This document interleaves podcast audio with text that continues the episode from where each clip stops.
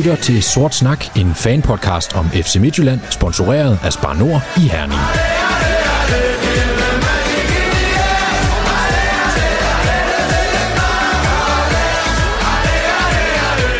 Det er nemlig et stort velkommen til jer alle sammen til øh, Sort Snak. Det her det er fanpodcasten om regionens hold FC Midtjylland. Mit navn det er Jakob Nørgaard, og jeg er jeres vært på den her udgave af Sort Snak. Der er ting at fejre i den her omgang, og det er ikke spillet på banen, det er ikke resultaterne, men det er til gengæld, at vi øh, fejrer afsnit nummer 100, hvis vi tager alle specials fra. Mm. Så øhm, det er jo lidt stort, at øh, vi er nået den milepæl i Sort Snak-historie. Det er meget stort. Det er ret stort. Det er kæmpestort. Og udover det, den anden ting, vi også skal fejre, det er, at det er Derby Week på, på hjemmebane i, øh, i Herning. Så øh, på trods af øh, sløje resultater og, og hvad vi nu ellers kunne brokke os over inde på Twitter osv., så, videre, så, øh, så har vi noget, noget guf at se frem til på fredag. Det skal vi selvfølgelig snakke meget mere om. På menuen i dag, der skal vi tale nedtakt fra OB-kampen. Så skal vi afrunde på den her UEFA Conference League, og vi skal snakke fyringer og forlængelser. Og til sidst selvfølgelig, så har vi en optakt til Viborg-kampen. Inden vi når dertil, så skal vi have lavet en præsentation af dagens panel, og den første deltager i panelet, det er dig, Rune Tybo Vejersø. Velkommen til. Rune, du mener, at FC Midtjylland er i krise. Ja, korrekt eller forkert? Har du ikke set fodbold i 2022?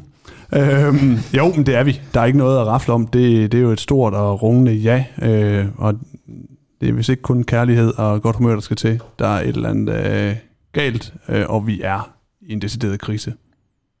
Den anden deltager i aftens panel, det er fra fjerndistancen. Det er vores korrespondent i København, Lars Nå Lauritsen. Velkommen til. Lars, hvad skal der til for, at FC Midtjylland de kommer tilbage på sporet? Ja, der er sikkert en hel liste af ting, man kan, man kan foreslå. Men jeg synes, når man så uden til kampen, så tror jeg, det aller, aller vigtigste, det er, det er simpelthen at starte med at få en sejr. Det lyder som en, en god plan. Den tredje deltager i panelet, det er dig, Jonas Aars Jørgensen. Også velkommen til dig.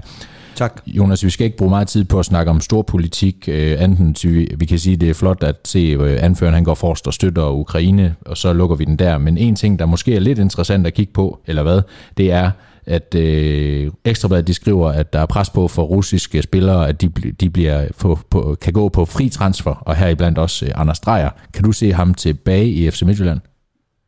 Øh, ja, jeg kunne godt se ham tilbage, men ja, det tror jeg ikke kommer til at ske. Øh, jeg kan ikke se, hvorfor han skulle komme tilbage til Midtjylland så kort tid efter, øh, med den succes, han har haft i Rusland en mente. Øh, jeg tror, der er andre større destinationer i vente for Anders Dreyer.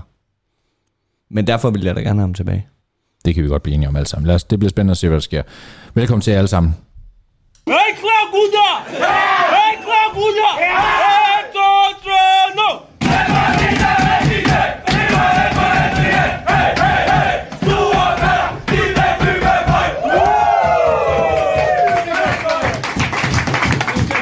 Og så tager vi hul på øh, søndagens halvtrælse kamp i Odense. Det er nedtakten efter det her 2-2, som det jo blev i, ind i den dybe overtid efter et øh, debut, eller nej, det er det jo ikke, et første mål af, af Wagner Love. Det var en skud, der skulle vendes, og vi skulle prøve at få de her gode takter fra anden halvleg nede i Grækenland, en kamp, som vi kommer tilbage til, som vi skulle bygge videre på. Øh, Max Meyer, Daniel Hø og Nicolas Styr, de startede inden øh, efter nogle gode præstationer nede i Grækenland. Men øhm, ja, det ender, ender som sagt 2-2, og det bliver Junior Bromado, der jo egentlig kommer foran, men så har vi jo Jebali, der løber over enden på forsvaret, og så Svichenko tre minutter senere et selvmål, og så som nævnt Wagner Loft til sidst. Øhm, Rune, du startede med at snakke lidt om krise. Kan du prøve at uddybe, hvorfor mener du, at vi er i en krise? Det, øh, det er jo pointmæssig krise. Øh, primært, jeg ved også godt, der er mange, der på spillet. Jeg tror, at jeg er nok den i panelet i dag, der vil være mest øh, positiv over for, hvordan det ser ud, uden at være helt glad. Men det, det er jo bare ikke en kamp, vi på nogen måde må smide på den måde, vi gør. Man kan sige, at der er tilfældigheder i spil, men der er jo også noget mentalt i spil, når vi først begynder at øh, juble over en sen øh, 2-2-udligning øh, i, i Odense. Øh, det er jo bare nedslående. Det er lige før, det føles som en nederlag at spille 2-2. Jonas, det er nu øh, fem kampe i Superligaen uden sejr, og det er en målscore på, på 3-11. Er du enig i, at vi er i krise? Mm, Hmm. nej. Det synes jeg faktisk ikke, vi er. Fordi jeg synes stadigvæk, øhm, at der er momenter i alle kampene, hvor vi egentlig er ganske udmærket. Uden sådan at virkelig imponere. Øhm, så jeg synes ikke, det er sådan, at vi bare sådan decideret i 90 minutter er ringe hver evig eneste gang. Øh, så jeg vil ikke sige, at det sådan er decideret krise. Jeg tror da også godt, at øh, folk ved, hvad der skal til for at komme ud af det. Øhm, men det er jo også bare sådan nogle gange i fodbold, at når du kommer ned i den der rande randen der, hvor du bare taber og taber og taber, og ligegyldigt hvad fanden du gør, så får du bare ikke de der tre point. Øh, I efteråret, der var det den anden boldgade, altså der vandt vi de der 1-0, altså 1-mål sejre, øh, og alting ting det flaskede sig ligesom, og det er bare den anden side af medaljen, man ser nu. Men, men er det det? Fordi i det efteråret diskuterede vi jo også, at ja, spillet det kører ikke helt, men vi får det mindste sejrene. Nu kører spillet stadigvæk ikke, og som du siger, vi ved godt, hvad der skal til. Men det, gør vi det? Altså, jeg kan også godt se fine takter, men der er jo ikke en genopfinding af spillet. Der er jo ikke, altså, det er jo ikke et fuldstændig nyt udtryk, vi kommer med øh, til OB-kamp, men vi gjorde til OB-kamp, eller hvordan det så ud nede i Grækenland. Jeg synes ikke, der er altså, fuldstændig nye boller på suppen. Nu ved jeg, at det blev skiftet ud en del, men, øh, men ellers så, øh, det, var, det føles ikke voldsomt anderledes end de seneste par kampe. Nej, altså jeg, jeg, jeg ved ikke helt, om jeg køber ind på præmissen om, at vi ikke spillede godt i efteråret. Ja, det var ikke prangende, øh, men jeg, jeg synes, vi var gode. Altså jeg synes, øh, især den der, øh, selvfølgelig er det mig, der skal nævne det igen, 1-0-kampen i parken, hvor vi 10 mand ikke øh, i øh, stort set hele kampen, æder FCK. Altså stort set det samme hold, som nu alle de øh, lovpriser ikke. Øhm, og lad os nu se den 13. Fordi smadrer de FCK 3-0, Jamen, hvor mange snakker så om krise lige pludselig? Ja, med reference til den opkommende hjemmekamp mod FC København, der vender rundt om hjørnet. Ja. Præcis. Lars, øh, vi skal også lige høre din mening om det her. Jeg ved jo, at Patrick Aff, han sidder ved at gå over i hovedet, når han hører det her, ikke? Øh, og vi ikke mener, at, at vi er i krise eller ej. Er du på Patrick Aff-holdet med, med at gå full-blown panik, eller hvor er du henne af? Også, øhm, nu kommer jeg lige med lidt... Okay, nu har jeg stillet spørgsmål, og så kommer jeg igen med noget fakta bagefter. Du skal nok få lov til at svare på spørgsmål. Hvis du kigger på expected goals, så er det 1,46 til OB og 2,02 til os. Øh, er det bare bad luck, eller hvor er vi henne af, og, og i forhold til krisesnakken, hvor, kan du prøve at sætte nogle ord på, hvad er dine tanker omkring det hele? Rune, han sagde, at han nok var den, øh, han var den af os, der nok var, var den mest optimistiske, og så synes jeg, at han sagde dem over. Altså, jeg, er, jeg er ikke, jeg er ikke specielt bekymret, og, og jeg, jeg synes jo, jeg synes, der er noget mentalt. Altså, det virker helt sindssygt shaky, fordi jeg synes faktisk, at, at jeg i forhold til... Altså, jeg synes, OB-kampen var helt horribel. Og jeg synes, OB-kampen øh, og store dele af Power-kampen er der... Altså, jeg, jeg ser klare, klare skridt frem, men når man på tre minutter får lavet to personlige fejl mere, der får det hele til at vælge, så, det jo, altså, så virker det som om, at der er et eller andet oppe i hovedet, der lige skal, der lige skal dreje. Så det var egentlig også det, jeg mente med, med det der med, at vi har brug for en sejr. Jeg kunne godt tænke mig at se, hvad sker der, når vi får den sejr? Altså begynder tingene så at, at falde i hak. Øh, og, og det der, du sagde med, med, med expected goals, altså, jeg prøvede at kigge lidt på, øh, det, er så for Wisecout, at, at jeg kiggede på de her fire øh, kampe, vi har haft indtil videre, to kampe, og så OB og, og OB. Og hvis man kigger på det, som, øh, som man kunne kalde de, de store chancer, i det her tilfælde dem, som har over 0,2 i, øh, i, øh, i XG, så har vi faktisk en, der har vi genereret 12 store chancer og, og 3 imod. Så det er ikke fordi, jeg står og siger, at det her det er rent uheld. Det er nok i virkeligheden nogle ukarakteristiske, underlige fejl, vi har lavet. Fordi i virkeligheden, så skal vi jo ikke stå med en målscore på de fire kampe, der hedder 4-6 når vi har genereret 12 chancer for og kun tre imod. Så der er et eller andet, der er et eller andet, der lige skal på plads der. Øh, og det er ikke fordi, jeg på nogen måde, øh, øh, altså det vil godt komme Patriarf så langt i møde, at, at, at det er jo ikke fordi spillet flyder, øh, og englene synger, men det er bare heller ikke så slemt, som vi gerne vil gøre det til. Altså, det jeg mener med, at jeg er øh, øh, nok det mest positive, er nok, for jeg synes faktisk, altså vores krise består i en pointkrise. Jeg synes egentlig, mm. vi spiller øh, fornuftigt. Øhm, men for mig er, øhm, er to point i fem kampe, som er vores næst dårligste femkampsteam nogensinde, det, det peger i retning af en krise. Om vi så spiller godt og bare... Altså det kan ikke være stolpud hele tiden, og vi så jo alle sammen, hvordan det var mod, mod OB, og hvordan det var i første halvleg mod Park, og egentlig også første halvleg mod OB, selvom jeg synes, de spiller en god og fornuftig kamp øh, der. Jeg, jeg var også fortrøstningsfuld ved at se den, men krisen består i mangel på point. Krisen består ikke i, at øh, de løber hovedløst rundt, som man måske havde lidt en fornemmelse af nogle gange til sidst øh, i sidste sæson, øh, hvor, hvor der har jo kørt rygt om, at det ikke lige helt kørt i omklædningsrummet også. Det er mere en pointkrise, jeg peger hen imod, selvom jeg faktisk er lidt mere optimistisk, når det kommer til, til selve spillet. Så skal du nok få ordet lige om lidt, Jonas. Jeg har bare lidt brug for at blande mig her, fordi altså, en ting er point, ja, men, men jeg synes ikke, spillet er fedt. Altså, og nu, nu snakker vi ikke OB-kampen. Der er fremskridt i OB-kampen, det kan vi blive enige om, men jeg synes, den første hjemmekamp, jeg sidder og ser inde på, på stadion mod, mod, mod grækerne fra Park, altså, jeg, jeg har ikke fornemmelsen af, at vi har, jo, vi er kontrolleret, men vi har ikke styr på det. Det er jo ikke fedt at se FC Midtjylland spille, og når det så ovenikøbet ikke lykkes for os med resultaterne, så kan det godt være, at det er kontrolleret i nogle perioder, og så er der nogle marginaler imod os alt det her. Jeg synes bare, at det er uinspirerende for mig, og når det så ovenikøbet også bliver, bliver pointtab, og endda den dårligste periode siden 2005, sådan som Superstat kunne, kunne skrive det, at dengang der, der hævde vi et point i, øh, i, øh, hvad hedder det, i fem kampe, nu vi hævet to point i fem kampe. Altså, for mig der bliver det kulminationen af, af de to ting, at jeg synes ikke, at vi skaber noget som helst offensivt, og jeg synes ikke, der er nogen, altså i for efteråret, der havde man Evander. Han, han spillede pissegodt, og det skabte en masse, fordi det giver noget en god energi og nogle gode chancer til alle mulige andre. Jeg synes ikke, der er nogen, der sådan træder i karakter. Jonas, hvad vil du gerne sige? Jamen, øh, øh, nu kan man bare lige til at tænke på, at vi skaber, skaber vi ikke nogenlunde det samme. Øh, Lars, har du ikke lavet en opgørelse over det, at vi sådan chancemæssigt skaber jo, nogenlunde det, det samme XG-mæssigt? Så jeg tror bare, det er den... Altså, jeg prøvede... Ja. Jeg kører bare, Lars. Nej, men det var mere, fordi jeg prøvede at kigge lidt på, altså hvis man skulle sammenligne det der med, med at kigge på slutningen af efteråret, der er jo ingen tvivl om, at altså, der faldt vi ned i et hul. Men jeg siger bare, at, og, og, og det viser de der underliggende, øh, altså de underliggende stats viser at sådan set, at vi er på vej fremad. Og det er en meget forsimplet måde at kigge det på, men det er bare for at sige, at vi er nødt til at have nogle nuancer i forhold til det. Det kan godt være, at det ikke er er, er, er det, det, det, det smukke, organiserede angrebsspil, men vi skaber faktisk chancerne noget i modsætning til slutningen. Yes. Ja, og jeg tror, øh, en af forskellene ligger i, at når vi så ikke scorer, altså vi skaber de chancer, vi gør, som jo i efteråret heller ikke har været store, men vi har scoret nogle mål på nogle, altså vi har jo scoret langt over vores XG, ikke?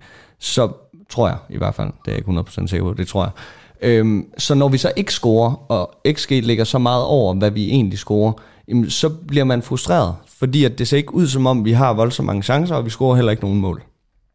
Så jeg, jeg tror også, det får det til at se ud værre, end det sådan reelt set er, når man kigger sådan benhårdt på tallene. Godt, så konklusionen i panelet er, at vi er ikke Måske er vi lidt i krise. Jeg tror, Erik Svichenko, han sagde efter kampen, hvad var det, han kaldte det, en mindre udfordring. Han var meget sådan reframing på sådan en... Uh, der er ikke mini-krise. Han brugte ordet mini til et eller andet i hvert fald. Ja, der, der var jo noget med nogle udfordringer i hvert fald. Det er jo en anden måde at sige det på. Uh, vi men, bliver... men Jacob, jeg vil godt komme dig i møde. Altså, problemet er, at vi er til Midtjylland, og vi har ikke råd til at have en pointkrise. Altså, det, det er jo det, der er problemet. Hvis vi havde været FC Midtjylland 2007, så kunne vi sådan set godt sætte os lidt tilbage og vente på, at spillet kom, men det har vi bare ikke tid til. Men, men, men, Problemet er, at uanset om spillet eller hvad, der skal, altså sejrene skal jo komme nu, uanset om det er de grimmeste sejre i hele verden, de er nødt til at komme nu. Altså på den måde er der jo krise, fordi vi, vi, kan, ikke, vi, kan, ikke, vi kan ikke ikke vinde mod Viborg for eksempel. Nej, præcis. Det skal til at falde nu, og det er også det der med, at nu, nu altså, Max Meyer, ham kommer vi tilbage til, han gør en god figur og alt det her, ikke? Og så ser vi Wagner Love i syv minutter alt i alt, ikke? Men, men altså, har vi fået vendt noget, siden vi slå, sluttede af i efteråret i forhold til det her offensive problemer, vi havde med, at vi ikke kunne score, ikke? Altså, det er jo det, er jo det jeg stiller spørgsmålstegn ved. Ser det pænere ud? Det synes jeg jo ikke, det gør.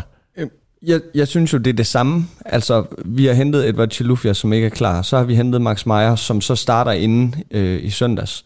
Øhm, og så har vi hentet Wagner Love, og så, så bruger man ham ikke. Øhm, og vi starter i samme formation, og vi holder fast i den formation. Så jeg synes, jeg, jeg, jeg synes ikke, der er rigtig er noget, der er løst. Men jeg synes, vi har hentet nogle spillere og kan gøre nogle ting, som måske kunne løse det.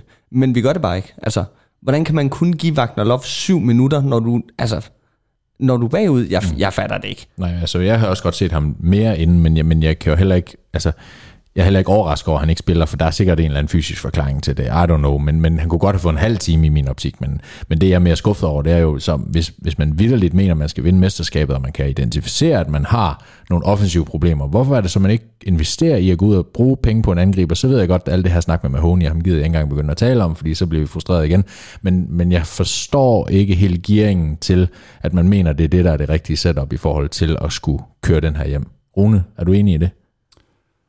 Det er svært at være uenig, når, det, når vi kigger på det, som det ser ud nu. Altså, det var alligevel to angriber, der scorede øhm, mod OB, og så der var jo huller, det var jo, det var jo glimrende opspil, øh, den første i hvert fald, og der, igen, vi kommer nok tilbage til noget, som, som vi kommer til at sige meget der. Det, det går fremad, det går den rigtige vej, men når vi skal vinde mesterskabet komfortabelt for at bruge, jeg mener, Bo's ord, så, så bliver det jo nødt til at være, altså måske er det voldsomt at sige krise, når de i Nordsjælland har tabt, når de ikke har vundet i 13 kampe, og de ikke engang set krise, men når vi melder de ting ud, når vi ryger ud af, hvad hedder det, Europa med et brag, selvom jeg synes egentlig, at det var på et knivsæk, og det var det jo også øh, mod Ludogorets, men når det ikke falder ud til vores favør, så kan vi jo ikke stå og juble, så bliver vi jo nødt til at kigge på det som en krise, som jeg ser det. Øhm, selvom der er mange ting, der går vores vej. Altså, FCK har jo også spillet skidt her til at starte med, men de har fået pointene, så der er ikke nogen, der snakker om det. Sådan har det været ved os mange gange før, hvor åh, de bliver ved med at os fucking hive point ind, de skide midtjyder, har vi jo hørt mange gange, men der var ikke nogen, der satte spørgsmålstegn ved det, fordi vi fik hævet de point ind. Det gør vi ikke nu, selvom jeg egentlig synes, at spillet ser, ser fornuftigt ud, så bliver vi nødt til at, øh, at kigge den retning, at hvorfor har der så ikke købt den angriber, der nu kan gøre det, især hvis vi ikke har tænkt os at bruge Wagner Love. Mange frustrationer, vil jeg sige. Men man, man kan jo også vente om at sige, altså, hvor, hvor er det forsvar, vi troede, vi skulle stole på? Altså, jeg synes, at det har været... Jeg er godt klar over, at de fleste mål i fodbold, det, det er et resultat af, af personlige fejl i større eller mindre målestok. Men hvis vi kigger tilbage på de to seneste kampe i den her uge, så altså, det er jo den ene fejl efter den anden. Altså i, i Grækenland, det er jo fuldstændig tragikomisk at se den måde, de får deres, især deres første mål på, men virkelig også på anden, hvor de bare får frit skud. Og så er der den her, hvor øh, øh den første mod OB, hvor, hvor Dalsgaard, han synes, han skal stå fire meter på den forkerte side af offside-fælden, og så et selvmål. Altså, selvfølgelig skal man skyde på angriberne, men, men man kan måske også håbe, at de her etablerede forsvarsspillere og øh, Juninho har, kunne have leveret lidt bedre til at starte med.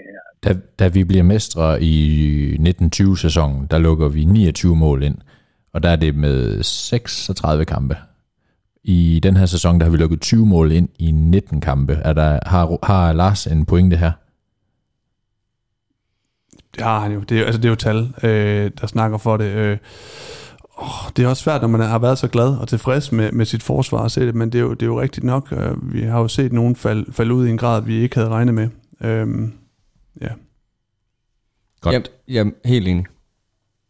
Jeg er nok den, der måske kan jeg fornemme på den snak her, er katalysator for den største utålmodighed. Øh, jeg er dog ikke så utålmodig, at jeg øh, forventer, at Bo han skal fyres, men det kan jeg jo læse inde på Twitter, at der er nogen, der mener, og også andre steder, og, og øh, via, hvad hedder det, TV3 Sport, eller hvad de nu hedder, journalisterne derinde, de spørger jo også Svend Graversen, om han skal fyres, eller mere eller mindre direkte, ikke? og så han freder jo Bo Henriksen. Men, men, men Lars, mener du, der er grund til at underholde den tanke om, hvorvidt han er fyringstroet eller ej? Øh, jamen, det, det er jo Midtjylland, øh, og det er Benham. Benham, han fyrer jo ikke folk, fordi der er nogen i, i medierne, der siger det. Altså, jeg synes, der er to ting i det. Dels så, så, så, så tænker jeg, at den er langt ude så længe, at altså, der må der, der ligger formodentlig en eller anden øh, en, en del af jobbeskrivelsen hos, hos Bo, at der er nogle øh, underliggende parametre, der skal, der skal gå i den rigtige retning og bevæge sig fremad, og det er det, man kigger på udviklingsmæssigt. Og jeg tror, i det perspektiv, så tror jeg, at han er meget langt fra en fyring. Øhm, og så er der den, så er der den anden ting. Så vi kan ikke, man, kan ikke fyre, man kan ikke fyre en mand efter et halvt år. Det, det gør man ikke i Midtjylland. Det er jo en bananrepublikklub, hvis man gør det. Så, så det tror jeg er meget langt væk. Men er du tilfreds med det taktiske, du ser, Lars, fra, fra Bo Henriksen? Jeg kan godt, øh, jeg synes, man kan slå ned på mange ting, og jeg kan også godt blive, øh, blive frustreret over, der, den her søgen efter ligesom at ramme den rigtige formel, øh, og det er ikke rigtig lykkes. Øh, men, men jeg synes også, der skal være plads til, at han, at han finder sin formation. Jeg har ikke, øh, nogen, jeg har ikke nogen illusioner om, at jeg kan fortælle ham, at, øh, at, at hvis man bare skifter om til en firebakkæde, så, så bliver det alt sammen mere offensivt, og der bliver nogle øh, flottere offensive mønstre. Det, det, det tror jeg ikke nødvendigvis er så fuldstændig simpelt. Jeg tror måske også, det handler rigtig meget om, at, øh, at vi ikke har øh, to øh, naturligt forsvar, der kan indgå i sådan en firebakkæde, hvis det er det, vi snakker om for eksempel. At vi har en trup, som i virkeligheden er endt med at blive bygget lidt op til, en, til den her trebakkæde, vi har også har haft stor succes med tidligere. Ikke? Rune, ja, til os og jer, der har hørt den seneste udgave af Sort Snak, de vil også kunne genkende, at Peter Krog, han var ved at være lidt træt af retorikken fra, fra Bo Henriksen. Og, og Lars, nu snakker du underliggende parametre. Jeg ved ikke, om der er noget, der hedder expected love, eller noget med noget kærlighed, men, men Bo Henriksen han bliver ved med at snakke om, at spillerne de har brug for kærlighed, og så skal det nok komme. Er det det, der er brug for? Jeg har... Øh, oh, og det var lige Rune, der fik den her, Lars. Det er fint. Rune, værsgo. Jeg har øh, stor respekt for øh, Bos måde at være leder på. Øhm, I mit daglige virke håber jeg lidt, jeg er lidt, lidt eller det også, øhm, men puha, hvor at, at, at stå, som han gjorde i studiet der, og sige, at de har brug for mere tillid og mere kærlighed, så kunne man godt sidde og blive lidt træt, og det gjorde jeg. Jeg er sikker på, at han lever det, og han mener det, og det er hverdag øh, for spillerne, at de får bare alt, hvad de har brug for i form af klap på skulderen og krammer, hvilket jeg ikke i tvivl om er fantastisk. Men når man gentager det, og jeg ved, at nu skal vi ikke blive med at nævne den, den kære Patrick, der er nu, men jeg ved, at især er han også træt af at høre på, hvad han nok vil sige af floskler, og det føles efterhånden som floskler, når vi står og snakker to point i fem kampe, og vi er braget ud af Europa, øhm, så begynder det at føles som, at det, det, det kærlighed, de har brug for, dem må du have kunnet nå at give dem i løbet af vinteren. Så er der andre, der i stedet for at tale fyring, Jonas snakker om øh, formationsskifte. Vil du øh, påpege, at det kunne være en løsning at prøve at skifte formation? Jeg, jeg mindes svær, svagt, at vi tidligere på sæsonen sad og bandede et hver forsøg på en firebakkæde væk, og nu er det måske det mange, de egentlig håber på, at vi prøver. Øhm, jeg vil sige, det, øh, formation er jo ikke alting. Det, det handler jo mere om, hvordan du sådan stykker det sammen på banen. Altså selvom du stiller op i en 4-3-3 eller en 3-4-3, eller hvad fanden du stiller op i, så handler det jo mest af alt om, hvordan du får det sat sammen derude. Øh, for mig er de der formationer nogle gange bare lidt et tal. Men jeg kunne godt tænke mig, at vi prøvede noget andet. Øh, altså, en, jeg synes, der måske er gået lidt under radaren i forhold til ikke at performe. Nu scorer han godt nok her i søndags, men Brumado ikke. Øh, altså, han har jo været en skygge af sig selv, øh, synes jeg, i de første par kampe. Hvorfor prøver man ikke noget andet? Øh, hvorfor prøver man ikke at starte med Wagner Lovin? Øh, hvorfor... Øh, ja.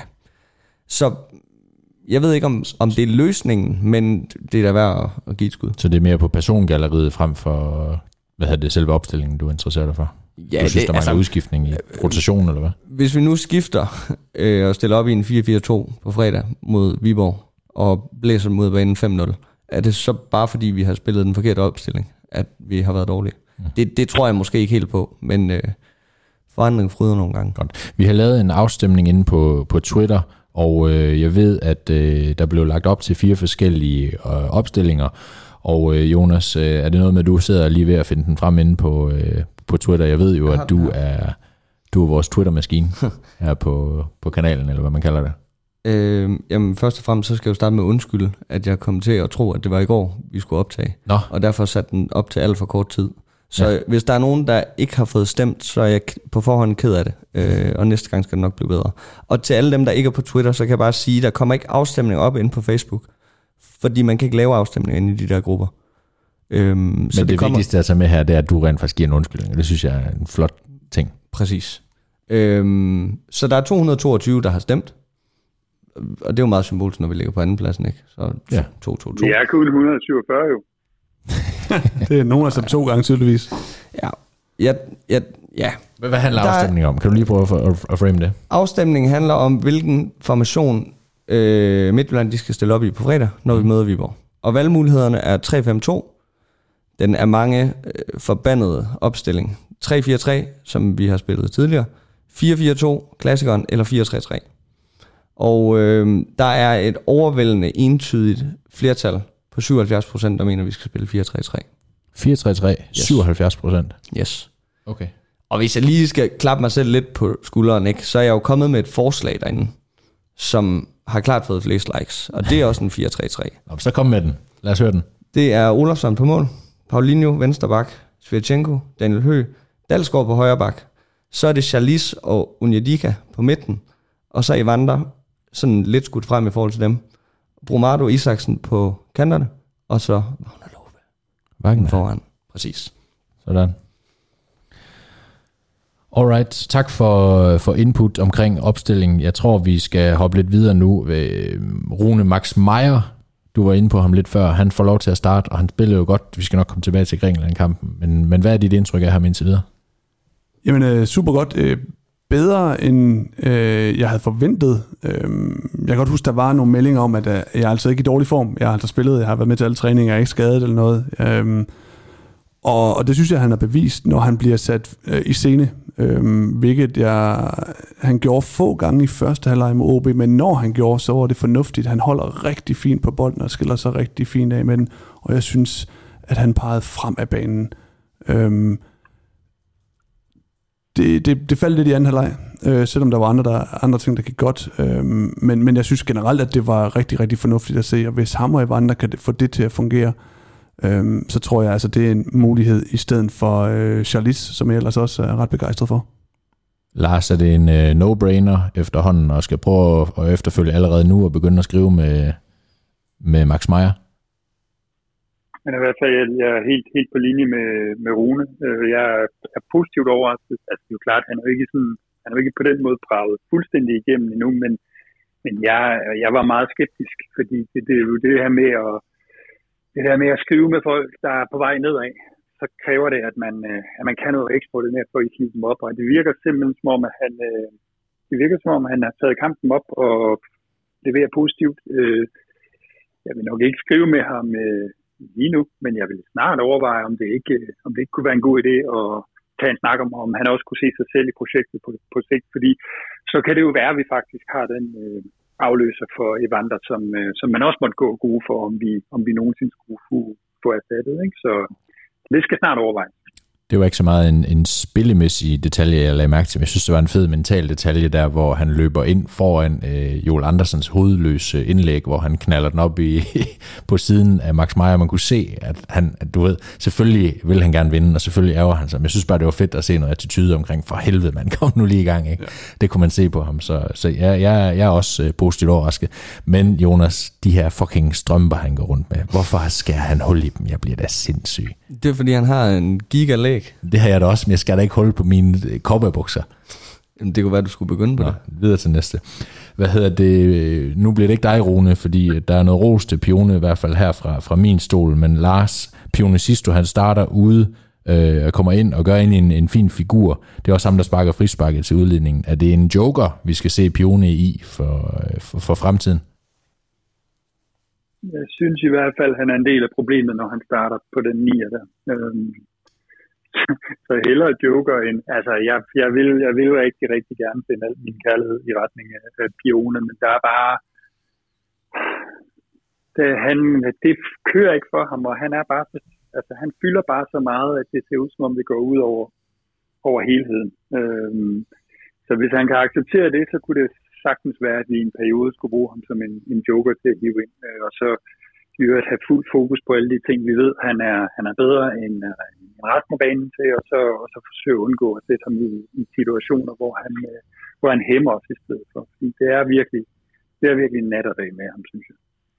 Men, men Pirone, kan, kan, kan Pione godt uh, leve med at komme fra bænken? Nej, det tror jeg ikke, han kan øh, i længden. Men jeg vil godt sige, at nu var jeg ikke med i sidste uge, men jeg vil også have givet øh, fyringen til Pione der, øh, hvilket smerter mig. Øh, men, men faktum er jo bare, at det ikke har været godt nok. Øh, der er ikke kommet det output, vi havde håbet på. Så han, men han kan nok heller ikke øh, leve med at starte ude og være, og være fast på bænken. Men det var rigtig, rigtig rart, øh, fra min stol i hvert fald, at se, at han kom ind og var fremadrettet og lavede lidt små øh, street soccer tricks, og det faktisk endte med at blive et rigtig, rigtig fint indhop for ham. Det kunne være rart at se ham gøre det i 90 minutter, men jeg er ikke sikker på, at øh, han har spillet sig i startopstilling. Jeg øh, frygtede lidt efter øh, den græske kamp, at det måske var starten på slutningen øh, for Pione. Det håber jeg virkelig, virkelig ikke øh, når han kan lave sådan en indhop her, så, så der er øh, håb på fremtiden.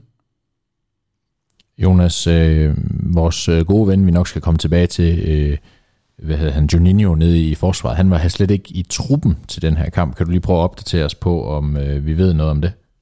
Det kan jeg opdatere dig på, at jeg ikke aner en skid, en skid om overhovedet. Men er du overrasket over, at han slet ikke er på bænken? Øhm, De siger jo, at han var halvskadet, men er det en, tror du på det? han har været dårlig. Det, det synes jeg, han har. Jeg synes virkelig, han så skidt ud mod Pauk dernede i Grækenland. Øhm, det kan da godt være, at han er blevet øh, skadet og fået sådan en forstrækning alle de gange, han blev løbet henover. Øhm, så det, det ved jeg ikke. Jeg ved ikke, om jeg var chokeret. Jeg tror ikke engang, jeg lagde mærke til, at han ikke var i truppen. Øhm, jeg glæder mig bare over, at, at han ikke var i startelveren. Godt. Lars, øh, siden sidste sæson, der har FC Midtjylland lige købt tre forsvarer. Det er Dalsgaard, Tykosen og Juninho, øh, som alle er bedre som bak eller yderstopper i tremandsforsvar, end de er som centrale forsvar i en firebakkæde. Vi har kun Erik og Hø på højeste niveau centralt, og giver det ikke lidt en hovedpine for Bo Henriksen, hvis han overvejer at skifte til en firebakkæde?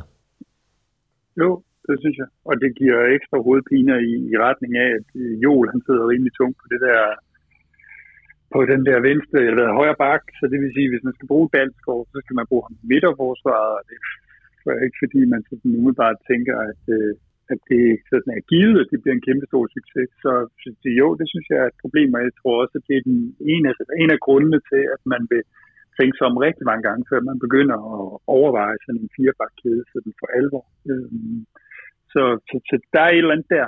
Der er, et eller andet, der er en skævhed i, i truppen, som man skal overveje. Hvis man skal være lidt positiv, så synes jeg, at, øh, at Hø, han, øh, han, han endnu en gang viser, at han er firmadsmand, og faktisk også har et, øh, har et rimeligt niveau. Så, så, så takket være hans jeg sige, og form fremgang, så kunne det jo godt være, at man kunne overveje det alligevel at bruge ham og, og, og Erik sammen i et, øh, i et to-mandsforsvar eller noget. Som den sidste bemærkning, inden vi lukker OB-kampen helt, så vil jeg sige, at noget af det, jeg savner, det er lidt det der possession. Og jeg synes også, noget af det, vi mangler at gøre, det er at gøre Evander god, som han var i efteråret. Og jeg, jeg savner sgu at se, at vi er lidt mere på bolden. Jeg savner at se, at vi er mere i kontrol over det. Og øh, nu spiller vi lige den her som udgang på, øh, udgangen på OB med et håb om, at vi kommer til at have lidt et déjà vu på, på fredag, når vi skal møde Viborg. Fordi der sidst øh, vi mødte Viborg, der, der gjorde Evander det klart, at fremtiden er sort og rød. Evander. Det går spark. Evander smider en presserbombe, som overlister Lukas Lund. Læg lige mærke til, hvordan man i den der video, lige inden at kommentatoren, som jeg ikke lige kan huske lige nu, er det Jonas Svarts? Ja, nej, det Eller er Daniel Aarhus, Aarhus, ja. Der kan man lige høre, at der bliver tændt lys nede på fanafsnittet. Man kan lige høre det der klik. Skal vi lige høre det igen? Evander. Der var den. Jeps, lige præcis. Fordi de havde deres klamme banner op. Fremtiden er sort og rød. Godt, vi skal, inden vi kommer til, til Viborg-kampen, så skal vi både nå park nedtagt og fyring og forlængelse. Vi starter med en tur til Grækenland. Jeg kunne godt tænke mig, at vi starter i lidt et helikopterperspektiv og lige opsummere, hvad der egentlig er sket i det europæiske eventyr, om man vil, øh, uanset om det var et grimt eller et pænt eventyr. Vi slår Celtic i anden runde for at komme i gruppespillet. Der bliver det sikret, og så taber vi øh, noget så eftertrykkeligt til PSV Eindhoven. Så ryger vi i det her gruppespil. Vi møder Braga, vi møder Ludogorets, og vi møder Rød, Røde Stjerne. Der var både op- og nedtur, særligt til sidst på udbanen mod Ludogorets med 0-0. Og så taber vi den her returkamp. Vi har talt om hjemmekampen, så det skal vi ikke bruge tid på, men returkampen nede i Grækenland, vi, øh, vi kommer bagud 2-0, og vi redder os egentlig en 2-1'er, og øh, vi har der ved Gud chancerne. Apropos øh, Victor Lind, eller ikke nu apropos, men i hvert fald Victor Lind til sidst, men også en masse chancer i starten af. Jeg husker Uniek, jeg husker også Pione. Øh, så der var, der var rigeligt med muligheder, men det ender så i den her straffesparkskonkurrence, hvor den eneste, der brænder, det er vores øh, nye tyske ven, Max Meyer. Så vi ryger ud af øh, UEFA Conference League. Rune, er du tilfreds med den europæiske bedrift i den her sæson, sådan helt generelt? Nej, nej, det er ikke, for vi må kigge på bundlinjen, og, og det er, at vi ikke kom i Champions League, vi røg ud af gruppespillet af Europa League, og vi røg ud i første øh, head-to-head, vi havde i Conference League. Vi kan snakke nok så meget om, at, øh, at uha, hvor var det tæt på nede i Ludogorets, så hvad havde vi faktisk en okay kamp, og hvor var det tæt på mod Park, vi spillede en, en fin, jeg synes stadigvæk, vi spillede en fin første kamp, og vi spillede en fin anden halvleg dernede, Men det er jo bare ikke godkendt. Det er jo bare ikke... Altså, jeg ved godt, der har været talt de her modstandere op, men altså, det var jo ikke dødens pulje. Og jeg ved godt, vi får 9 point, men det var bare ikke nok. Det var, det var et mål fra. Det var et mål fra her. Det var et, overs, det var et øh, skud på overlæggeren fra, øh, fra Ludo Rats egen mand, der gjorde, at vi ikke øh, kom med. Altså, det, om, om vi så ryger med, fordi vi er skide heldige i, i forlænget spilletid, eller om vi ryger med, fordi vi spiller dem ud. Det er ligegyldigt, når vi snakker om det er godkendt eller ej. Det er bare ikke godkendt på nogen måde. Det er jo tallene lyver ikke, så kan vi øh, være nok så træt af det. Men øh, nej, overhovedet ikke godkendt. Godt, lad os komme tilbage til, øh, hvad det betyder på den øh, europæiske scene i forhold til point senere, Lars. Der ved at du har forberedt en smule, men, men Lars, kan du ikke lige prøve at sige, hvad synes du om det udtryk, vi kommer, kommer til banen, eller kommer på banen med i første halvleg nede i Grækenland? Øh, jamen, det, det, det er helt skidt. Altså, jeg, jeg synes, det, det er jo fuldstændig forlængelse af det, Rune han siger. Jeg synes, det er, altså, hold kæft en lortemodstander. Det, det, kan ikke, det må aldrig nogensinde volde problem i der. Og det er lidt, det lidt en forlængelse af, at vi jo i virkeligheden i første halvleg på hjemmebanen, hvor så sidder man og tænker, dræb den nu, dræb den nu, dræb den nu, fordi at, at vi ser så forholdsvis overlegen ud. Og så er det ligesom, at så går det i stå, og det er, er det er sådan lidt det, vi tager med på banen, så vi spiller, vi spiller voldsomt under niveau, og det viser vi jo allerede, da, da det næsten er for sent, ikke? at vi har et niveau, der ligger meget over det, og det, det er ret beskæmmende, synes jeg. Det, er, det, er, det, det var en stor skuffelse, det synes jeg. Og hvis det så bare var, at vi var dygtige til at spille defensivt og, og, og stå kompakten, det synes jeg jo ikke, det er det, der, der viser sig at være tilfældet. Det kan vi lige komme tilbage til med Juninho lige om lidt. Jeg, jeg har det personligt sådan, kan I huske, i, dengang vi spillede med Glenn, hvor vi skulle foran, og så skulle foran, og så hvis vi forsøgte at pakke os, så var det altid der, hvor man var allermest nervøs, fordi man yes. vidste bare, yep. vi kan fucking ikke finde ud af at stå nede. Og nu er det som om, det vil vi jo gerne fra starten af. Jonas, hvad synes du om den måde, man angriber kampen på? Det synes jeg er helt galt. Øhm, ja, man skal blive, altså de perioder, hvor vi er bedst, det er der, hvor vi pisker på. Hvor vi presser højt, og hvor vi får erobret bolden, og hvor vi får øh, øh ligesom straffet dem i, i omstillingerne. Det vi altid har været gode til. Øhm, og jeg, jeg synes, det der sådan semi-nedgravet noget, hvor vi bare skal stå bundsolidt, og så spille til nullet, som vi alligevel ikke kan spille til, og så skal vi nok få scoret. Det, det, det er simpelthen bare ikke godt nok. Vi skal, vi skal ud over stepperne. Rune, øh, i øh, Odense, nu vender jeg lige lidt tilbage, men der er den første indskiftning, den falder efter 74. 20. minut. Her nede i Grækenland, der skifter han tre i pausen. Hvad synes du om, om, om den ændring?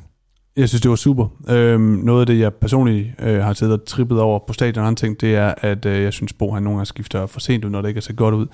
Jeg synes, det var øh, en helt, helt, helt rigtig beslutning at øh, tage Paulinho, Juninho og Sisto ud, og det var tre forstærkninger, der kom ind. Det var Tykosen gjorde det super, Hø gjorde det super, øh, og Max Meyer, øh, nok bedste mand øh, af dem, der kom ind. Måske den bedste mand i anden halvleg, gjorde det super. Så øh, det var rart at se, at der blev øh, taget noget konsekvens. Øh, det er noget af det, jeg synes, der har manglet, så det var stor ros for, at øh, der bliver taget nogle beslutninger. Og sikkert også en rigtig, rigtig svær beslutning, øh, fordi de havde en gameplan, de gerne ville følge. Så super. Jonas, øh, det viser sig jo rent faktisk, at Juninho, han var blevet til Mandraka James, dengang han farvede sit hår hvidt. Er det en påstand, du er enig i? Åbenbart, ja. Hvorfor fanden ser han så sløj ud lige pludselig? Det ved jeg ikke. Han, øhm... han, han løber og får bolden ned i hovedet, aner ikke, hvor den er hen. Så løber han med, så skyder de en gang, så stopper han op, i stedet for at spille færdig på returen. Ja, jamen jeg kan jo ikke, jeg kan jo ikke sige andet. Så, så sig da, hvad der er galt. Jamen, øhm, Gør nu noget, altså. Hvad han har efterladt hovedet i Brasilien. Øh, jeg ved det ikke. Det er i hvert fald en helt anden øh, fodboldspiller end... Øh, altså, øh, de første par kampe spillede han jo mega godt, så fik han den der seks spilledags karantæne fra Brasilien. Og der var alle jo bare sådan, fuck, det er jo noget lort det her.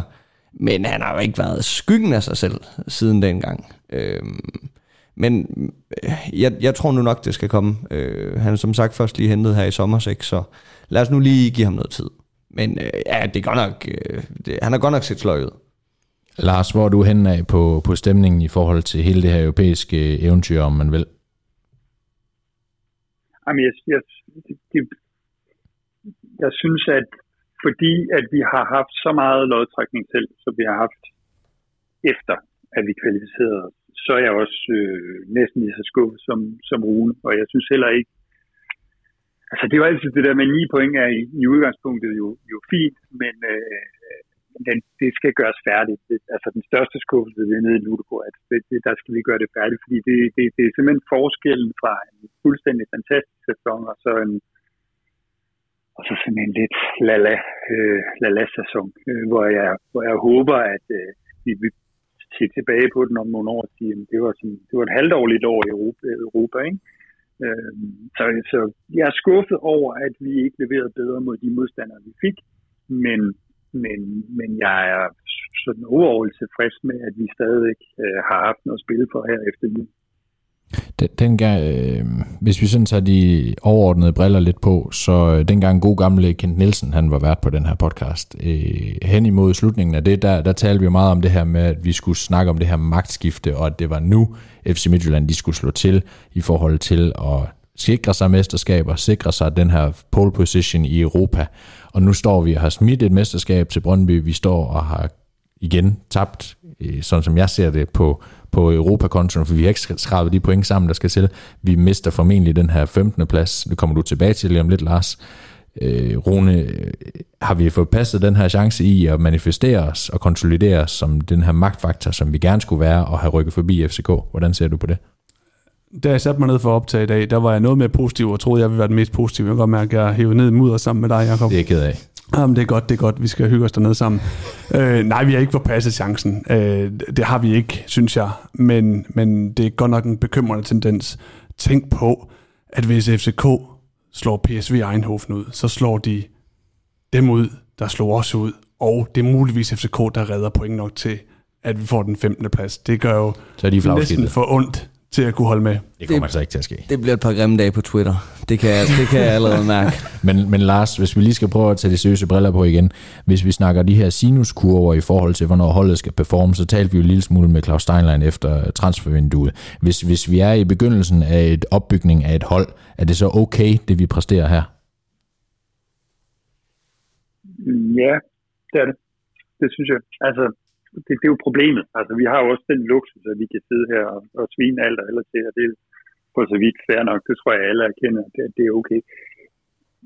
Det er sikkert ikke populært at sige, men prøver, at de har haft et halvt år. Altså, nyt trænerteam, nyt hold osv. Jeg tror og håber, at det kommer til at lette nu, men, men jeg synes også, vi må sige, at øh, det er svære betingelser, det her med netop, at man er kommet til, altså det er også sådan, at fodbolden udvikler sig, at de her sinuskurver, de er kun to år lange, ikke? hvor de før var tre år lange, og så var der måske lidt mere til løb til. Nu skal man mere eller mindre performe med det samme, og vi, vi er over dem, hvis de ikke gør.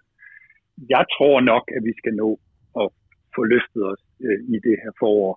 Øh, det er super ærgerligt, at vi ikke kommer videre, men, men som jeg også nok skal vende tilbage til, så er det jo ikke fordi, vi, vi står med hatten i hånden. Vi kommer til at, at bygge på den her ambition om, om top 50. Vi bevæger os fremad af de her ting. Det skal nok komme, det skal nok se lysere ud om et halvt år, men det er jo klart lige nu, at det er super skuffende, især fordi at vi, vi har stået med nogle muligheder, som vi ikke får hver eneste år i, forhold til Europa.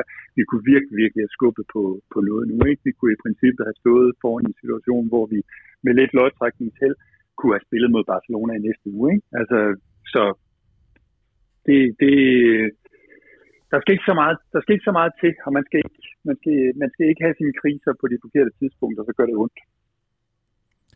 Lars, du var så småt ved at tage hul på det. Kan du ikke prøve at lige at brede lidt ud for os i forhold til, hvor mange point har vi tjent, og hvordan ser fremtiden ud for den her drøm om at være top 50-klub i Europa? Jo, vi startede året som nummer 113, og det var sådan ligesom udgangspunktet for det her med, at vi gerne ville nå til nummer 50. Øhm, og, øh, og hvis vi ser helt bort fra det her med, hvem vi har mødt, fordi det, det, har, det har vi lige snakket om, så er det ikke fordi, det er sådan isoleret set er et specielt dårligt i Europa. Vi matcher faktisk i de syv øh, koefficientpoint, vi får, der matcher vi faktisk øh, det bedste år, vi nogensinde har haft, som var, var det her første gang, vi var i, øh, vi var i puljespil øh, i 15-16, hvor vi mødte øh, Napoli og Brygge og Legia Warszawa, var det ikke sådan? Så det er sådan set øh, ganske udmærket. Altså point, pointhøsten er fint. Det, der er lidt ærgerligt, det var, at vi egentlig stod over for at kunne have fået fem point mere, hvis vi havde scoret et mål i, øh, i Ludogorets. Øh, og så havde det jo været en fuldstændig fantastisk sæson. Det gjorde vi ikke. Øh, men vi tog syv point med, og nu har vi 19 point, og det er det højeste, vi nogensinde har haft, og det betyder, at vi mindst ender som nummer 85. Lige nu ligger vi nummer 83. Øh, Bodø, de er stadigvæk med desværre, kan man sige. Det, det går godt derop. Og vi er også stadigvæk med. Så de to kan overhale os. Men øh, vi er faktisk øh, cirka hoppet 30 pladser frem fra nummer 113 til nummer 85. Og, øh, så det er jo fint. Og det betyder, at vi formodentlig øh, næste år, når vi skal spille Champions League-kvalifikation, er seedet i, i anden runde, øh, hvis vi skulle træde ind i den, modsat sidste år, hvor vi, hvor vi ikke var seedet. Så, så altså de nøgne tal i forhold til Europa, altså det, det ser jo for så vidt udmærket ud. Og derfor, derfor jeg måske siger, at, at hvis, vi, hvis vi har fået tilbudt det inden sæsonen, uden at vide, hvem vi skulle møde osv., så, videre, så tror jeg egentlig nok, at vi ville, vi ville have accepteret det her med, at vi, at vi hentede de point, vi har hentet. Øh, så, så vi, er kommet, vi er kommet væsentligt tættere på, og jeg, øh, jeg, jeg tror sådan set også, at, at hvis, eller vi kan helt sikkert, hvis vi fortsætter med, med, med gruppespil, enten i Conference League eller, eller Europa League eller Champions League i de næste år, så, så kommer vi hurtigt tæt på den her top 50. Vil du helst spille Europa League? Ja, jeg ved godt, du helst vil spille Champions League, men det er det, der er igennem med pointhøsten. Vil du hellere i Conference League eller Europa League, eller hvor, hvor ser du snittet, Lars, næste år? Jamen det er jo, det er jo sådan en, det, det er jo frygteligt dilemma på den måde, ikke? fordi selvfølgelig vil man helst spille Europa League, så har man også håneretten over for dem, der ikke spiller Europa League af de danske hold. Men, men isoleret set er det da sjovere at møde et hold på Gibraltar og hente fire sikre point i, øh, i et puljespil, end det er at skulle øh, ud på, altså næste gang vi ender i Europa League, så, så tror jeg ikke, vi kan være heldige at ramme ind i så lette modstandere, som vi, vi møder. Det, bliver, det er sådan lidt, det er paradoks med de her, altså det, at man har gjort sådan, at Conference League i virkeligheden bliver belønnet pointmæssigt øh, på, på næsten lige fod med, med Europa League. Det gør, at, at Conference League faktisk godt kan være en attraktiv turnering for os fremadrettet, når vi har den ambition, som vi har. Men det, det er netop det, der tiltaler mig en lille smule, bare ud at æde nogle af de her hold, hvor det bare, altså, mm. hvor man ved, der er point, ikke? Eller det burde være point, man ved aldrig noget med Midtjylland. Men, men ja, det, det, øh, tak for opdateringen, Lars. Har du flere pointer, du skal have med, inden vi hopper videre til næste emne?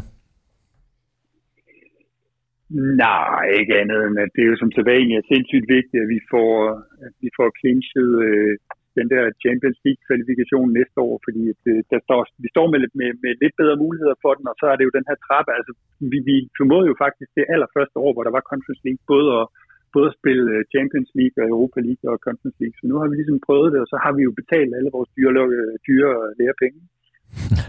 Der, der skal ikke være flere, der snakker om, om lærepenge nu. nu. Nu skal vi til at performe. Det kan vi blive enige om. Ja, Godt. Vi, vi lukker den her og hopper videre til det næste. Yeah, well done, Madsen. Well done. Get up there. Get up there. Come on. Klasse, Erik. Yes, vi skal videre til øh, fyringer og forlængelser, og lad os øh, starte med at få det overstået. Vi skal, vi skal have nogle fyringer, og der har vi som altid øh, fået hjælp af jer, kære lyttere, inde på Facebook og på Twitter. Den første, der har skrevet en fyring, det er Brian Lagoni. Han skriver, fyring må efterhånden gå til vores taktiske afdeling, anført af Henrik Jensen. Det er svært for mig at se, hvad vores taktik er, ud over bolde op på Bombardo, og så kryds fingre for, at der sker noget godt. Defensivt er vi bare blevet overmatchet i mellemrummene. Claus Sørensen han skriver fyring til Bo Henriksen, og det at spille med en trebaklinje, det er for defensivt, og der mangler nogen at spille frem til for Evander og Max Meyer. Robin Thomsen han skriver fyring til Bo for det spilsystem, hvor kunne det klæde FC Midtjylland at spille 4-3-3, Nikolaj Kammerskov, han skriver fyring til Pionicisto. Vi har brug for, at han tager ansvar og simpelt, øh, spiller simpelt og finder hans topniveau. Undskyld, Mathias Nybo Stengård, han skriver fyring til Juninho. Han har kostet med alt for stor usikkerhed bagtil, og Jakob Rabeck, han skriver fyring går til Bo. Det skal simpelthen ikke være så nemt at udspille et hold, der spiller med om mesterskabet. Jonas, må jeg starte med dig? Hvem er din fyring i dag? Min fyring i dag går til Pione Sisto. Jeg var faktisk tæt på at sige Bo Henriksen, men jeg synes, øh, jeg synes simpelthen, Pione han har, været, øh, han har været dårlig. Ja, han var god mod OB, da han kom ind.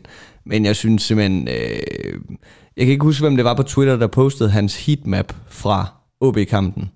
Øh, og så vil en fejl komme til at poste det som powerkampen, og så bagefter postede et heatmap, hvor der i princippet kun var tre cirkler på. Og det var så Pione Sisto på 60 minutter eller sådan noget. Øhm, så jeg, jeg synes, han har været øh, langt under det, vi forventer. Rune?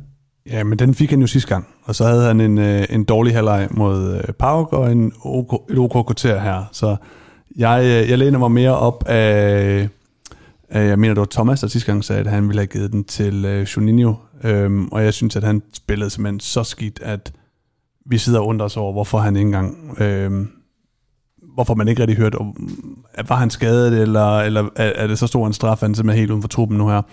Så øh, jeg synes også, at han læner sig op af det i noget tid. Så øh, Juninho for mig. Og Lars, vi skal en tur over til dig. Jamen, jeg er også på Juninho, øh, og, og det, det, er jo dels fordi han spillede skidt. Det er måske, det er måske lidt hårdt i og med, at han så kun får den ene kamp, kan man sige, at dumme sig i. Men jeg synes bare, det var så fuldstændig græld og så fuldstændig afgørende at, at lave det der, som han lavede dernede. Ikke? At, øh, at hvis det ikke koster en fyring den her gang, så hvornår får man den så? Jamen altså, jeg synes jo også, den oplagte er at sige Juninho. Jeg kan også blive sådan lidt, øh, for han støtte af Erik, er, er, er, jeg ved, jeg er ikke på vej til at fyre Erik, men jeg vil godt stille spørgsmålstegn ved, hvad, hvad der er sket nede i det forsvar der, ikke? Og vi snakker også lidt om det før, men, men altså, det, det igen, er det Dalsgaard, er det Erik, er det Juninho? Juninho laver åbenlyst en fejl og ser helt håbløs ud, så nu er han den nemme scapegoat på en eller anden måde, ikke? Men, men øh, ja, jeg kan, ikke, jeg kan ikke finde ud af det, men, men det er som altid, så, øh, så, så øh, kan det ikke være verden, der ændrer noget, og I har alligevel to stemmer mod ham, så, så jeg havde ikke tænkt mig at se Pione, så det må blive en, en fyring til Juninho, og så beder vi lige Glenn om at give ham en opsang. Kolja, Kolja, nu skal du til at tage dig sammen. Så går vi videre til øh, forlængelser også fra Facebook og Twitter. Vi har en Jakob Rabæk, der skriver, at forlængelsen går til Nikolas Dyr, som har været god, men som den eneste. Søren Høgil Hansen, han skriver, at forlængelsen går til Isaksen, Hø og Dyr. De to sidste ikke de største teknikere, men de giver tro på, at det kan vende. Dennis Halskær, han skriver forlængelse til Max Meyer, brænder et straffe, men stepper op og tager ansvar, og samtlige afleveringer sidder i skabet med stort overblik og kølighed. Robin Thomsen, han skriver forlæng med Onyedika, han er god begge veje. Og Carsten Larsen, han skriver forlængelse til Wagner Love. Måske ikke et smukt mål, men et rigtigt angribermål, og angriber, der kan score, er en mangelvare hos os. Lad os starte hos dig, Rune, den her gang. Hvem har du en forlængelse til? Det må være Daniel Hø. Hvornår har han sidst spillet en betydningsfuld kamp og kommer ind på den måde? Øh, spiller en glimrende øh, anden halvleg og en god kamp mod OBS. Så Hø for, for mit sæde. Og Lars, vi tager en tur over til dig. Ja, jeg synes, der er. Jeg, jeg, jeg var faktisk glad for, at der var en, der nævnte øh, dyr også. Jeg synes, han har vist noget øh, engagement og noget at gå på mod. Jeg synes, det var, det var fedt, det var fedt, det han lavede til, til det første mål mod, mod OB. Øh, og Max Meyer også, øh, er også i spil. Øh, jeg, jeg tror også, jeg går med hø. Det, det, det, jeg, jeg, er vild, jeg er vild med folk, som sidder på bænken i tusind år og har, ikke har fået at vide, at de skulle andet nogensinde, og så går de bare ind og leverer uden at kny, når de, øh, når de får chancen og bliver bedt om at levere. Så, så også hø til mig. Jonas? Øhm, jamen, jeg vil egentlig også godt give den til Wagner Love, men jeg synes ikke rigtigt, han har ikke fået noget spilletid, så jeg synes også, det er lidt en billig baggrund. Øh, til gengæld, så vil jeg godt komme med noget kontroversielt, for jeg vil faktisk godt forlænge øh, Mads Dør Tykosen. Yes, det var ham, jeg havde også. Fordi øh, jeg synes virkelig, han har været god. Øh, og jeg har ikke sådan... Øh, guderne skal vide, at jeg tror, der er mange Midtjylland-fans, det, det er der altid, der leder efter huller i osten. Øh, og især med Mads Dør Tykosen lige nu. Øh, og det har jeg også. Og jeg synes ikke rigtigt, jeg har fundet nogen endnu. Øh, det kan også være fordi, at de andre bare har været så ringe, at man ikke har lagt mærke til, øh, at han måske godt kan være bedre. Men jeg synes, øh, han har virkelig været, været god for mig. Altså, jeg ved ikke, hvem der var, der sagde det før, øh, var det i tidligere afsnit, det der med, når, når baksen er dem, man fremhæver med Nikolas Dyr og med, med Mads Dørtikosen, så ser det skidt ud. Men jeg er enig, Mads Dør spillede pisse godt nede i Grækenland, og jeg synes, at han går på, og han klør på med den her vindermentalitet og, og viser noget, noget karakter, og jeg synes også, at Svitjenko var også inde at sige, at han stryger det ind i direkte i toppen af hierarkiet, ikke? Så, så i, måske er det slet ikke så dum en tegning, og jeg er faktisk enig med dig, Jonas, det var også, øh, det var også Mads, jeg havde tænkt på, hvis ikke Nikolas Dyr. Høg kunne man også godt give den til. Men nu trumfer jeg, og så giver vi solidaritet til, øh, til Mads, Mads Dør til Kosen og siger velkommen hjem til Midtjylland, og så får han en, øh, en forlængelse her. So you have to sign here. Now we start. We are waiting a long time. Godt, og Det så... er mærke, hvordan lyttertallene de falder. Altså, Ja, de har nu. snakker. Der er nogen, der rage quitter på det her. Ja, vi kan, vi kan lige så godt bare lukke her, faktisk. Skal, skal vi stoppe? Nej, okay. Sorry. Øhm, vi skal videre til øh, den måske vigtigste kamp, i hvert fald for mange, øh, i Ulveland. Det er en optakt til Viborg-kampen på hjemmebane. Den spilles fredag den 4. marts kl. 18.00, og det er jo kl. 18.00 på MCH Arena. Jonas, jeg har bedt dig, eller vi har bedt dig om at skrive et digt forud fra det her derby. Og det er jo måske debut. Jeg tror aldrig, vi har haft et digt i sort snak før, så nu er jeg meget spændt på at høre, hvad du egentlig har fundet på. Det er jo en, øh, jeg er jo en lyriker af Guds nåde, øhm, så sådan en opgave tager jeg selvfølgelig på mig. Og øh, jeg vil sige, det har måske, øh, det, har, det har måske taget en smule overhånd.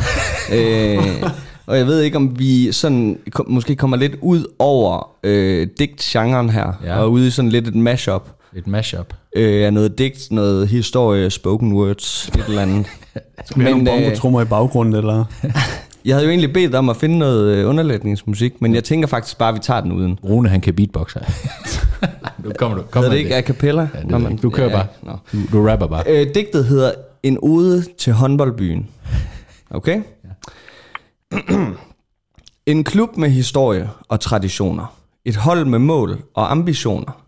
I en svunden tid, hvor fodbold var noget, man spillede når man fri fra arbejde havde fået. Som tiden den gik, skuffelserne blev mange. Men fansene af klubben, de blev aldrig bange. De snakkede stolt om at være ægte, men det der nu skete, vil de altid fornægte. En sport i en hal, helt uden græs, vandt hjerterne i byen, og det er ikke engang pis. Man hæppede på Astrup, Fruelund og Skov, og pludselig var det der elitesport blevet ret sjov. Men en lille gruppe havde stadig behov for ikke at hæppe på Lotte Kjærskov. De gik fortsat til fodbold for at tænke på en svunden tid, hvor man alle kunne slå. Men tiden var over, og nu var de bange. Det var som om, det forstummede deres sange. For hvad var det, der nu kom der? I sort og rød, det lignede en hel her. De gik i jakkesæt fra Jack and Jones og spiste kun ben og blød is fra Bones. Lyttede til tørfisk og gik til traktortræk. Og det der ulvehyl, det lyder kraftede med at bræk. De havde ingen historie. Fusion, ja tak. Og ham den skaldede ude på bænken, han hedder fandme Bak Bak. Men de farlige ulve fra Lars Tønskides mark gav historie og traditioner et ordentligt spark. Mest uheldigt, det var dog maskotten. Og hans stakkels forældre, de blev vist lidt knotten. Ulvene i jakkesæt så sig aldrig tilbage. Og alle ved, historie skrives ikke på et par dage. For i Midtjylland midt ude i den jyske muld, der snakker han fandme af, og mand er en guld. Tak, stærkt. tak. Nu, nu synes jeg, vi skal lukke, for nu vi kan ikke... Øh, vi, vi slutter på toppen. Jeg vil sige, da, da du bad mig om et digt, så startede jeg lige i rosa, røde, violer og blå, og så et eller andet med Midtjylland, og så et eller andet med Viborg. Og så arbejdede vi os ud fra det. Jeg synes, du er kommet langt. Tak. Det var sat med stærkt, det Tak. der. Flot præstation. Det er lige før, vi skal have den her. Jeg kan huske, Det var sgu den forkerte. Ja, jeg fucker det lige op med at lave den Det forkerte. er fint nok. arbejde. Det er fint nok. Det er sådan, det plejer at være. Godt. Øh, sidste sejr Midtjylland de havde over Viborg i Herning, det var den 18. juli 2015. En 2-0 sejr på, på to gange Pionicisto. Sidste kamp, vi spillede i, øh, mod Viborg, det var så tilbage, da det var Øh, plusgrader i den 31. juli 2021, der vinder vi, vi 2-0. Det er en start 11 i en 3-4-3-formation med Løssel, øh, Daniel Hø, Erik Svitchenko, Juninho, Paulinho, Onyedika Evander, Kuls, Mabil, Brumado og Anders Dreyer. Hvad er forventningerne til den her kamp? Er det, at øh, vi skal ud og øh, genrejse os selv, eller skal vi komme ud og smadre det hele igennem? Hvad siger du, Jonas? Jeg håber inderligt, at vi stiller op i en 3-5-2, og så sørger for at stå rigtig, rigtig godt defensivt. øh, og så skal målene nok komme. Så er jeg bare Nå, tilfreds. vi går videre til Rune. Hvad tænker du om den vi skal Jeg har ikke noget, det ved jeg ikke, hvad jeg skal sige efter hverken det digt eller den kommentar. Øh, det var smukt. Jeg håber, vi kan få fat i Midtjylland og høre, om den ikke kan køre i stedet Kan man for godt kalde det hymnen. et digt egentlig? Det ved jeg ikke. Det er vel prosa. Man kan vel vælge, men det kan man vel kalde, hvad man vil. Bertel Hårder, han vil kalde den, han kan godt komme i kultur, kulturkanonen. Oh, det vil være smukt. Puha, den skal køre i stedet for hymnen til Det kan, heden. være, det kan være, ligesom de der to øh, forsmåede Viborg-fans, der har lavet sådan en bog, så kan det være, at jeg skal lave en digtsamling. Ja, det vil være stærkt. Du skal Ja. bare skrive flere end et. Ja. Rune, vi skal tilbage til kampen. Det er vist det Øh, mindste problem. Rune, vi skal tilbage til kampen. vi kommer aldrig tilbage til kampen. øh, jo, selvfølgelig gør vi det. Øh, Åh, hvor, hvor, hvor gælder øh, nuværende form og krise og alt muligt, og alt andet fis overhovedet ikke, når der er derby. Det tror jeg, at, at der er mange, der vil, der vil have det, som jeg har. Det er ligegyldigt, om Viborg så lå dømt til nedrykning, så vil de øh, kæmpe for alt, hvad de har kært, selvom de ikke engang kender så meget til, til fighten. Det, der er bare noget helt specielt over, over, over derby, og det, det, øh, det glæder mig helt vildt meget til. Men hvis vi kommer ud med samme indstilling, og vi har brug for endnu et wake-up call, og nu skal vi lære noget af de her lidt kærlighed, så, så bliver jeg vanvittig. Det er i hvert fald en øh, knald- eller faldkamp i forhold til at få fanskaren på nakken, hvis ikke man kommer ud og giver den alt, hvad man har i den her kamp. Ikke? Jo, og det er, altså. ikke engang, det er ikke engang, og jeg ved godt, det er, det er altid tre point, men det er ikke engang tre point. Det er, hvordan vi kommer ud. Altså, jeg kan godt huske den første kamp, øh, hvor vi vandt øh, 2-0. Vi blæste dem ud af banen. Det var jo vanvittigt, at vi ikke var foran efter første leg, så mange chancer vi havde. Vi spillede jo fantastisk. Hvis vi kommer ud sådan, så skal alting nok gå. Men altså, vi, vi, der er to kampe, man kan miste modet på i ja. FC Midtjylland. Den ene, det er Viborg. Den anden, det er FCK. Hvis vi ikke præsterer mod Viborg her, og heller ikke gør det mod FCK, ikke, så, så, så står helvede jo i... Så er der fakkeloptog. det er Så er der fucking fakkeloptog. Det kan jeg bare sige. Lars, kan man mærke øh, effekten af det her derby i København? Ja, ja, der, er- det, det, ryster, det ryster herovre. Det, Man kan næsten helt mærke det sådan over telefonforbindelse, hvor shaky det er. ja, ja, det er totalt ikke. Nej, men det, det synes jeg faktisk, det, al- alene det, at der er så mange, der ligesom føler behov for at kommentere på, hvor lille et derby det er, og, og, og hvor lidt de har opdaget det, det, det synes jeg jo, at det er tiltaget de seneste år. Ikke? Så det, jeg synes jo, det er super fedt, at det efterhånden er ved at være anerkendt, at, at, altså, at det er stort. Altså, det, det er en stor kamp, og det er, det, det, det er en, en kamp, som måske ikke på tilskuerantal, men på intensitet og betydning og sådan noget, er, er helt deroppe. Og det synes jeg jo også er, er noget, vi skal fejre. Og jeg er glad for, at den kommer lige nu i virkeligheden, fordi det, det, det som I siger, den, den må man jo ikke fuck op. Altså, det her er jo, det er jo, det er jo meget mere en, en, en, en kamp, hvor vi skal ud og hente tre point. Ikke? Som en lille, øh, hvad kan man sige, nu har vi allerede gjort den lidt skæv med, med digt, men vi har også øh, lige tænkt os at, at køre sådan lidt personlig nostalgi ind over optakten på den her kamp, fordi vi har mange gange siddet og sagt, hvor meget betyder det her for fansene, og vi ved alle sammen, det betyder fucking meget, og alle, øh, vi kan også godt sidde og spørge hinanden om, nå, men øh, hvem er det så, der skal løfte øh, stemningen i omklædningsrummet? Ja, det er jo dem, der kender noget til det, og det er Eksvichenko og dem, og Christian Bak skal, skal nok komme, så, så, så alt det der, det har vi snakket om før, så nu skal vi prøve at gøre det lidt på en anden måde, så går vi lidt personligt til det, og så spørger jeg så, I har alle sammen forberedt, jeg har også selv, men jeres bedste minde fra en kamp imod øh, Viborg. Øh, Jonas, lad os starte med dig. Hvad, hvad har været din, dit bedste minde? Jamen, jeg husker den, øh, som var det i går. Det var i 2007. 8, jeg husker den faktisk ikke, som det var i går, men jeg kan godt huske kampen i hvert fald. Øh, især fordi, at øh, Midtjylland, de vinder øh, efter at have spillet en uskøn kamp mod et øh, ganske ok øh, Viborg-hold. Og den står, øh, kampen står 1-1 indtil dybt ind i overtiden, hvor øh, John Albo, den gamle Viborg-målmand, han fumler et hjørnespark ned fra fødderne af ingen ringer end Maros Klimpel, som scorer til 2-1. Og øh, et lille fun fact, da jeg var inde, fordi så skulle jeg lige se Klimpel, hvor mange han egentlig havde scoret. Han har scoret to mål, øh, og jeg tror, det var Nordsjælland, den anden, han, det andet hold, han har scoret mod. Klimpel, han har aldrig tabt til hverken Viborg, eller Brøndby, eller FCK. Ja. Ah, Køb ham. ah, det er alligevel noget, var. Stærk. Vi går videre til dig, Rune. Hvad er dit bedste minde fra en Viborg-kamp? Jeg husker det meget øh, svagt faktisk. Øhm, jeg kan ikke huske meget fra kampen, men jeg kan huske Christian Magleby i 2003 smadrer bolden ind i nettet til allersidst, så vi vinder 3-2 over øh, Viborg, hvor den første kamp øh, på finalen var 0-0, der sender os i, øh, i parken mod Brøndby i finalen. Jeg kan ikke huske øh, særlig meget ved, ved, øh, ved, ved oplevelsen, udover at jeg kan bare Du er simpelthen for fuld. Altså, det, det plejede jeg ikke at være, når, når min fatter er, at vi kørte på ICA Stadion. Men jeg kan huske, vi gik rundt om, for at stå om bag ved det andet mål i halvleg. Det var det gode ved ICA Stadion, Yes, det kunne man gøre. det yes, var genialt. yes. Så havde man altid den bedste vinkel. Og det husker jeg klart og tydeligt, øhm, som, som den, den der blinker øh, klart for mig, når jeg tænker på øh, Midtjylland Viborg.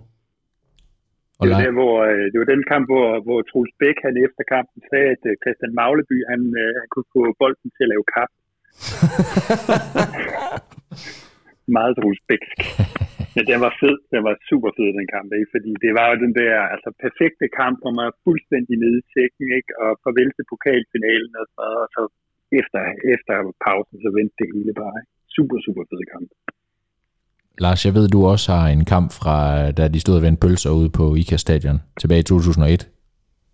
Jamen, det er faktisk fra Viborg Stadion, det her. Men altså, i virkeligheden, så, så mås, måske synes jeg nok, fordi der er måske synes jeg nok, det du kommer til at snakke om senere, det, det, det er nok også isoleret set for mig har været en større oplevelse, men, men det kan du få lov at fortælle lidt om.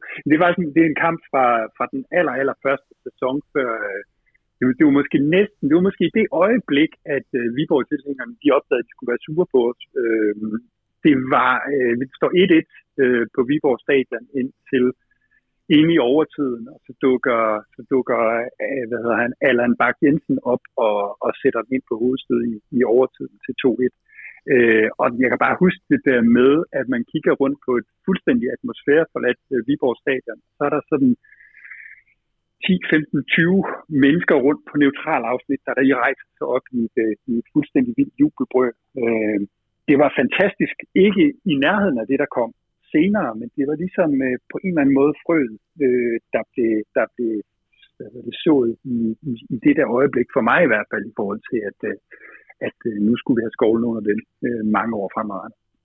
Det er stærkt med jeres øh, ældre kampe. Jeg kommer til at og selvfølgelig at gribe fat i 2013, og man kan ikke snakke Viborg-historik mellem Midtjylland og Viborg uden at tale om, om den lille mur, og hvor vil jeg ønske, at jeg egentlig havde stået nede og var en del af den, af den lille mur, men øh, min personlige historie var, at jeg dækkede kampen for TV MidtVest, da jeg arbejdede der, så jeg sad op ved pressepladserne. Jeg skal hilse at sige, at øh, Morten Jensen, direktøren for Viborg, han var højrystet ikke tilfreds. Han stod altid op ved, ved tv-dækningen deroppe og stod og sparkede lidt til gelænder og så videre. Nå, men i hvert fald så den her lille mur, hvor Jack and Jones de havde sponsoreret, jeg ved ikke hvor mange tusind folk, der var på, på lægterne. Det var fuldstændig vanvittig oplevelse. Og Peter Andersen får rødt kort for den her svinetakling. Jeg ved ikke, om det var hans eneste røde kort. Det tror jeg, det var i hans karriere.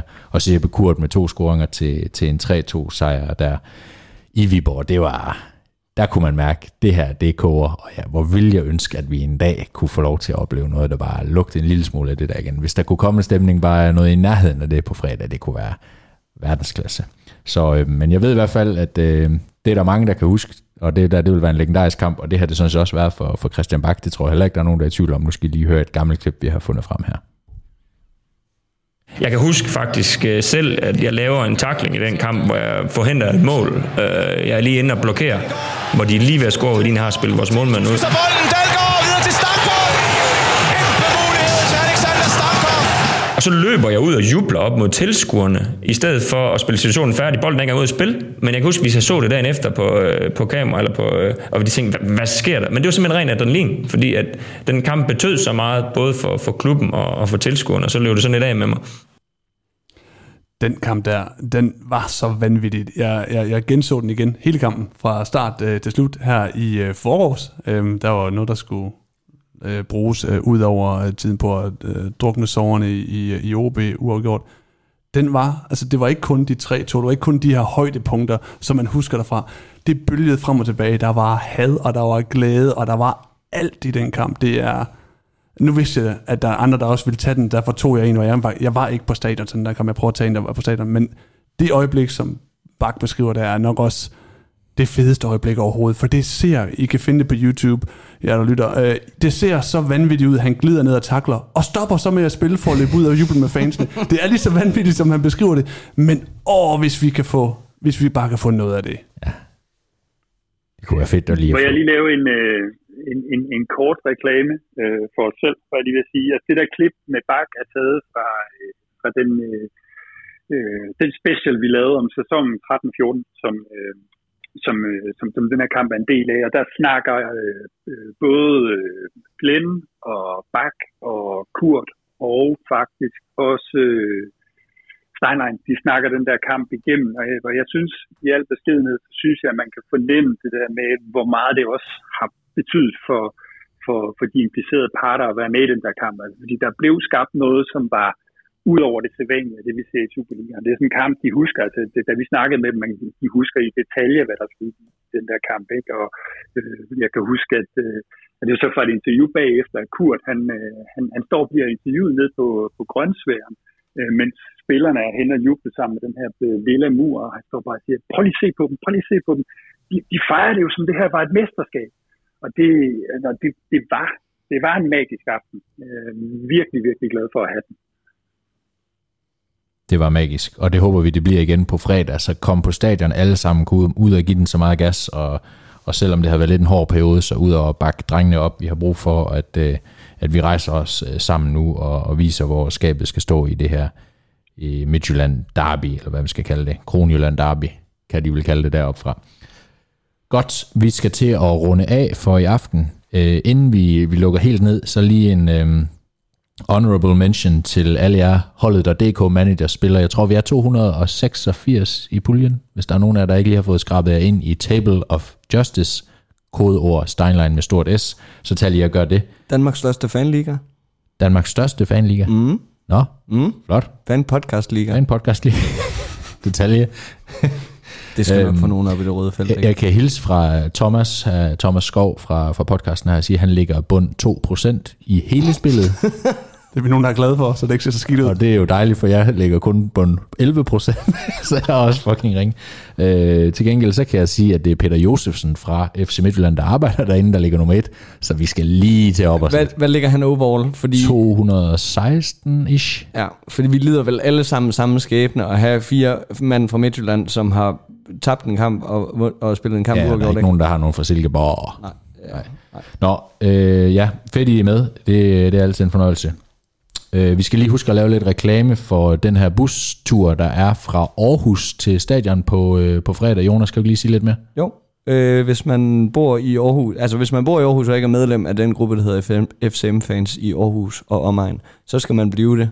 Øhm, og hvis man ikke ved, hvordan man skal komme til Herning på fredag, så er der vist nok stadigvæk pladser i bussen, som Jesper har arrangeret. Jesper? Inden for gruppen. Ryg og rejse med Jesper. Jesper. Godt. Så øh, find Jesper inde i gruppen og skriv til ham. Eller så kan I skrive til mig. Sagt. Godt, og så skal vi lige huske en sidste ting også. I morgen, det vil sige onsdag, vi optager tirsdag aften her, øh, der spiller FC Midtjylland jo faktisk øh, U19 Youth League, hedder det jo. Youth. 8. delsfinale mod Benfica. Det er klokken øh, 14.00 på IKAST stadion den her gang. Øh, en onsdag eftermiddag. Portene de bliver åbnet kl. 12.50, og der er gratis adgang til stadion, så ind og stå og vend frem og tilbage mellem øh, øh, det, det målscorende mål ned mod, mod Midtjylland, ligesom Rune han lige talte om før. Og hvis man er så uheldig at sidde og lave ingenting på arbejde, så er der også øh, broadcast på TV3 Sport og Viaplay til, til kampen. Til slut er der kun tilbage at sige tak, fordi I, kære lytter, lyttede med hele vejen igennem og stod imod øh, både digte og alt muligt andet øh, bullshit, vi kunne finde på i dag. Det har været en fornøjelse at sende for jer.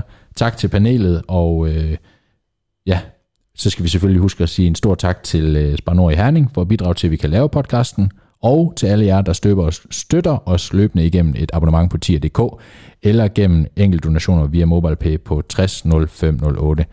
Jonas, Rune og Lars, tak fordi I var med i dag. Selv tak. Selv tak. Og til alle jer ude, husk I kan følge podcasten på Facebook og Twitter under profilen Sortsnak Podcast. Sortsnak er tilbage i næste uge. Vi ses på stadion. Brumado passou, parte o Regis de frente. Vem abertura com Mena. Mena tenta o cruzamento. Brumado é rede!